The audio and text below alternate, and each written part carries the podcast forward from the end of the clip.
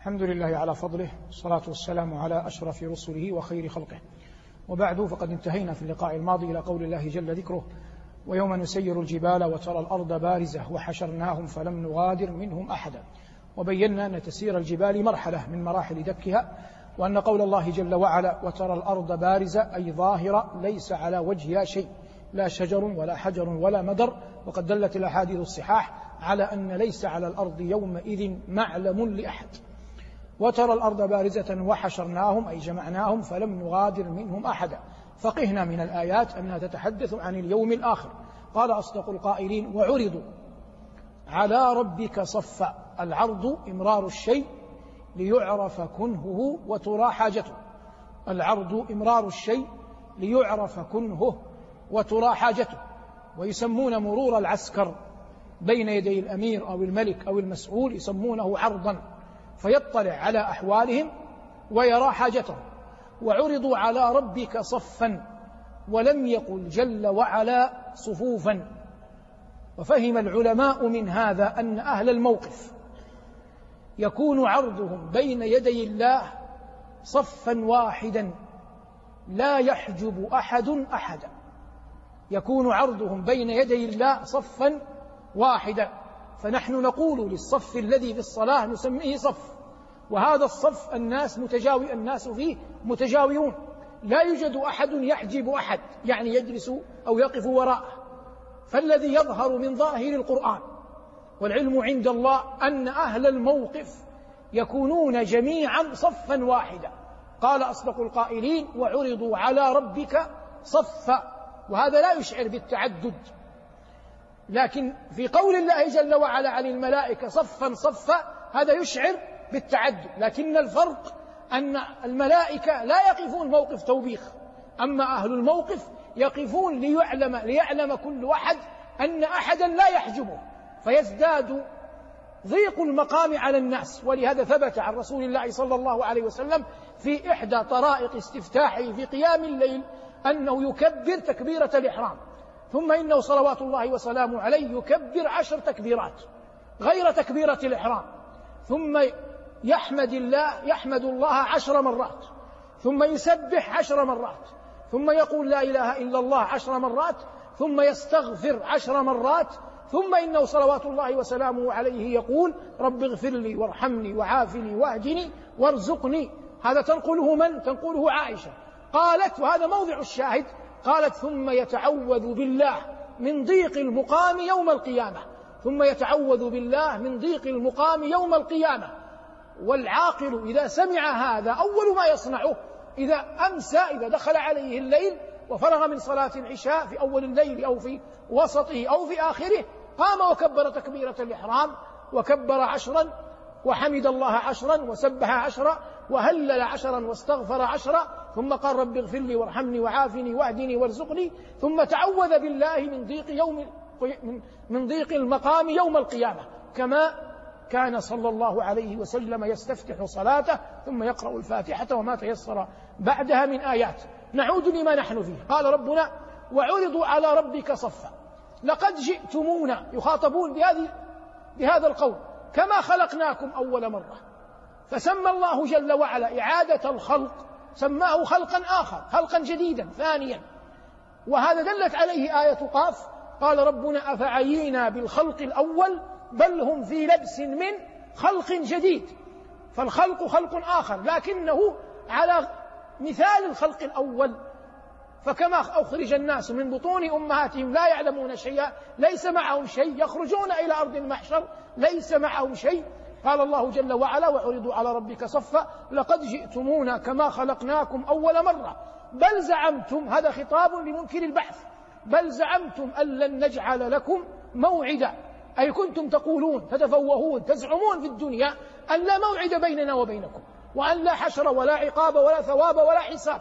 زعم الذين كفروا أن لن يبعثوا. قل بلى وربي لتبعثن.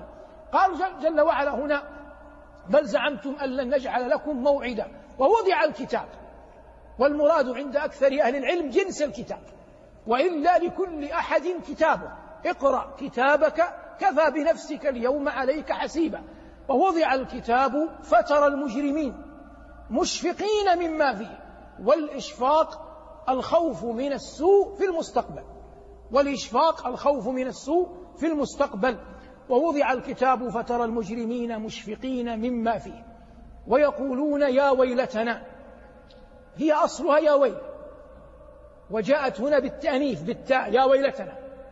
فقال بعض أهل العلم إن التاء مزيدة هنا للمبالغة والذي يظهر والعلم عند الله أنه أنها هنا يمكن أن تكون للمبالغة لكنها بمعنى الفضيحة بمعنى الفضيحة. ويدل على هذا المعنى قول امرئ القيس قالت لك الويلات إنك مرجلي. أي لك أن فضحتني بين الناس. والمقصود أن أهل الإجرام يقولون كما قال الله حكاية عنهم قالوا يا ويلتنا ما لهذا الكتاب لا يغادر صغيرة ولا كبيرة إلا إلا أحصاها ما معنى لا يغادر صغيرة ولا كبيرة إلا أحصاها الآن ينزل مطر يجري السيل يمر السيل على الوادي. السيل لا يبقى لأنه لو بقي أصبح نهرا. يمضي السيل. بعد ثلاثة أربعة أيام يطمئن الناس أن السيل انتهى. فرغ. يأتون إلى الوادي. ماذا يجدون في الوادي؟ غدران. غدران ماء. فيجلسون عندها. هذا يأتي بقهوته وهذا يأتي بشاهي هذا الذي جلسوا عليه يسمى غدير. ما معنى غدير؟ أن السيل مضى وتركه. السيل مضى وتركه أي أن السيل غادره ولم يأخذه معه تركه باقي. فجاء الناس يجلسون عليه. واضح هذا؟ أهل الإجرام يقولون يوم القيامة هذا الكتاب الذي بين أيدينا لم يترك شيئا مما كنا نصنعه كما أن السيل يترك بقية من ماء ويمضي عنها لكن الكتاب لم يترك شيئا.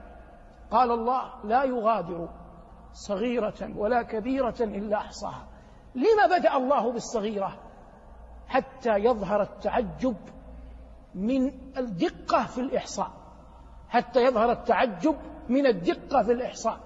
فإذا كانت صغائر الذنوب الخفية التي لا يظن أحد أن أحدا علم بها بل نسوها كما قال الله أحصاه الله ونسوه يجدونها أمامها أمامهم فما بالك إذن بكبائر الذنوب؟ قال الله لا يغادر صغيرة ولا كبيرة وجيء بالكبيرة لإفادة التعميم وجيء بالكبيرة لإفادة التعميم. لا يغادر صغيرة ولا كبيرة إلا أحصاها.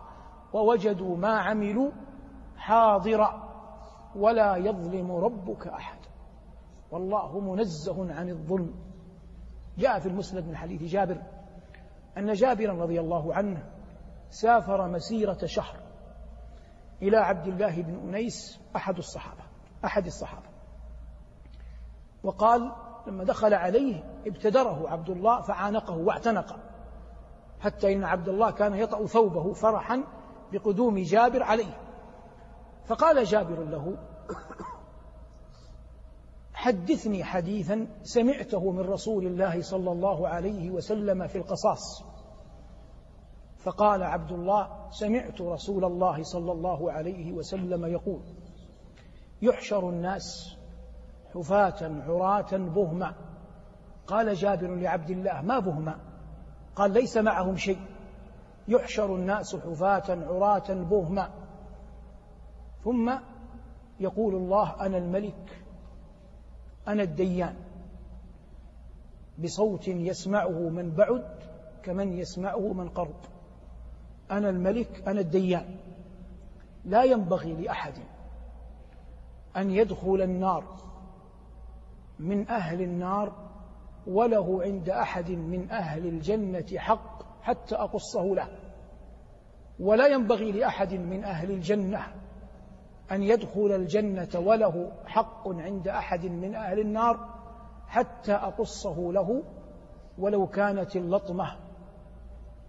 قيل يا رسول الله كيف ونحن نحشر بهما عراة؟ قال بالحسنات والسيئات.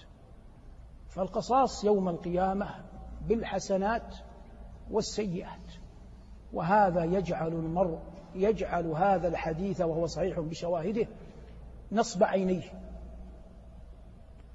ويبتعد وينأى أكثر ما يبتعد عن أعراض الناس وعن دمائهم وعن أموالهم حتى يكتب الله له مع توحيده واتباعه النجاة يوم القيامة.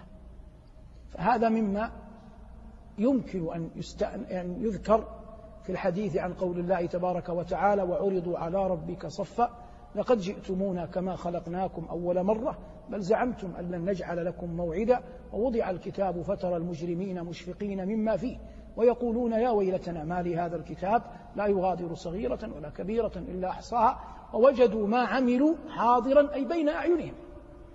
لكن مع ذلك فليكن المؤمن حسن الظن بربه موقنا برحمة ربه تبارك وتعالى. ولا يتكل المؤمن على شيء أعظم من من رحمة الله. قال ربنا ولا يظلم ربك أحدا وإن أمرا نزه الله مع قدرته ذاته العلية عنه ينبغي أن لا يقربه أحد. والظلم إما أن يكون بأن يزاد على العبد شيء لم يصنعه وإما أن ينقص من حسنة له صنعها. وكل هذين رب العزة منزه عنه. جاء في الأثر الصحيح عند مسلم من حديث أبي سعيد أن أهل الصراط عندما يجتازونه جعلنا الله وإياكم ممن يجتازه يقول فئة منهم ربنا إخواننا كانوا يصلون معنا ويصومون معنا ويحجون معنا. فيقول الله عز وجل ارجعوا. فمن وجدتم في قلبه مثقال دينار من إيمان فأخرجوه. فيحرم الله صورهم على النار. صور من؟ صور المؤمنين الذين يريدون أن يخرجوا من النار بعض أهلها. فيخرجون أقواما كثيرين. ثم يقولون ربنا لم يبق فيها أحد ممن أمرتنا بإخراجه. الآن من الذي أمر بإخراجهم؟ من في قلبهم مثقال دينار من إيمان. فيقول الله ارجعوا.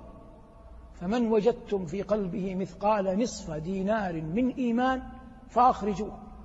فيعودون فيخرجون أقواما كثيرين. يقولون ربنا لم يبق فيها أحد ممن أمرتنا به. فيقول الله ارجعوا. فمن وجدتم في قلبه مثقال ذرة من إيمان فأخرجوه. فيعودون فيخرجون أقواما فيقولون ربنا لم يبق فيها أحد ممن أمرتنا به. فيقول الله عز وجل شفعت الملائكة وشفع النبيون وشفع المؤمنون وبقيت شفاعة أرحم الراحمين. فيضع جل وعلا يده في النار فيخرج أقواما قد امتحشوا أي صاروا حمما ثم يلقون على نهر عند باب الجنة يقال له ماء الحياة. فينبتون كما تنبت الحبة في محيل السيل ثم توضع على رقابهم الخواتيم ثم يؤمر بهم إلى الجنة. فإذا أقبلوا على الجنة رأوا بعضها بعض شيء فيها فيطمعون فيه فيسألونه الله فيقول الله عز وجل لهم لكم هذا وعشر أمثاله معه وهم لم يدخلوا الجنة بعد يظنون هذا أعظم نعيم. فيقولون ربنا لقد أعطيتنا ما لم تعط أحدا من خلقك. فيقول الله عز وجل ألا أعطيكم أعظم من هذا؟ قالوا ربنا وأي شيء أعظم من هذا؟ قال أحل عليكم رضواني فلا أسخط عليكم بعده أبدا. فما هو أعظم مطلوب؟ رضوان رب العالمين جل جلاله. قال الله ورضوان من الله أكبر. لكن العظة الحقيقية في هذه الآيات المباركات من سورة الكهف. أن يعلم المؤمن أن من أعظم القربات حقيقة الإيمان حقيقة الإيمان باليوم الآخر. والإيمان ليس بالتمني لكن المرء لو جعل بين عينيه ما يكون من الوقوف بين يدي الله في أرض المحشر بعد أن سمع قول الله ووضع الكتاب فترى المجرمين مشفقين مما فيه. يجعل المرء كثيرا مما تزينه نفسه له أن يقع فيه يحجم عنه سواء كان من ظلم العباد أو من الشهوات المحرمة أو غير ذلك مما نهى الله عنه. كما تجعله يبادر ويسابق ويسارع في الخيرات رجاء أن تثبت قدماه يوم العرض على الله تبارك وتعالى. ولا ريب وهذا لا يخفى على شريف علمكم. أنه ما من موقف أعظم مثل الوقوف بين يدي الله تبارك وتعالى. فإذا كان أنبياء الله ورسله يقولون يوم القيامة اللهم سلم سلم ويقول نوح وآدم وموسى وعيسى وإبراهيم عليهم جميعا السلام لقد غضب ربنا غضبا لم يغضب قبله مثله ولا بعده مثله. كل هذا إذا استحضره المرء كثير مما زين له يحجم عنه. وما قد بينا مرارا أنه والله ما أقض مضاجع الصالحين شيء أعظم من كيفية القدوم والوفادة على الله.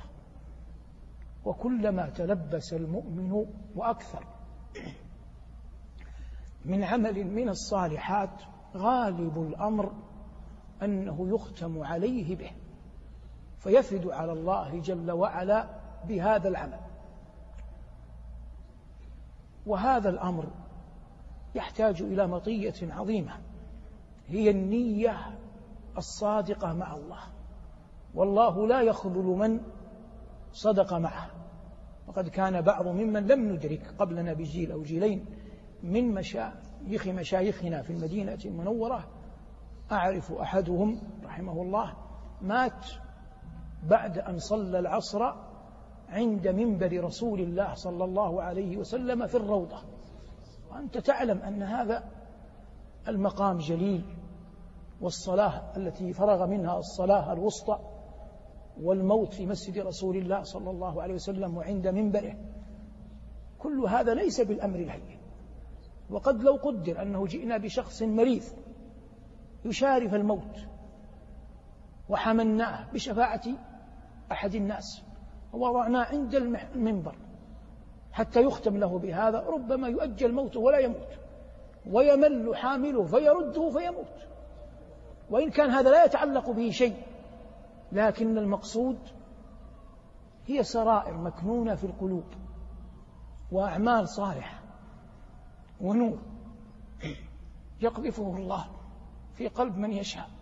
لكن العرب تقول ومدمن القرع للأبواب أن يلج يعني الذي يكثر قرع الباب يوشك أن يفتح له.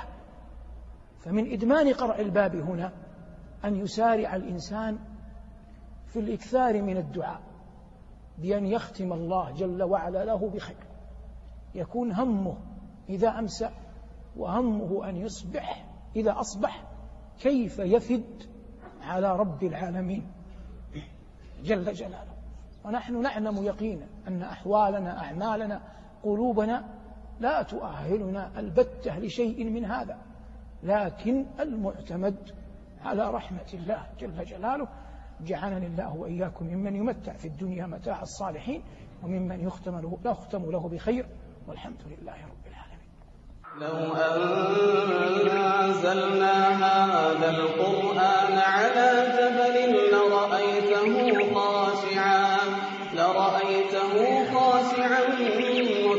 متصدعا من خشية الله. وتلك الأمثال نضربها للناس.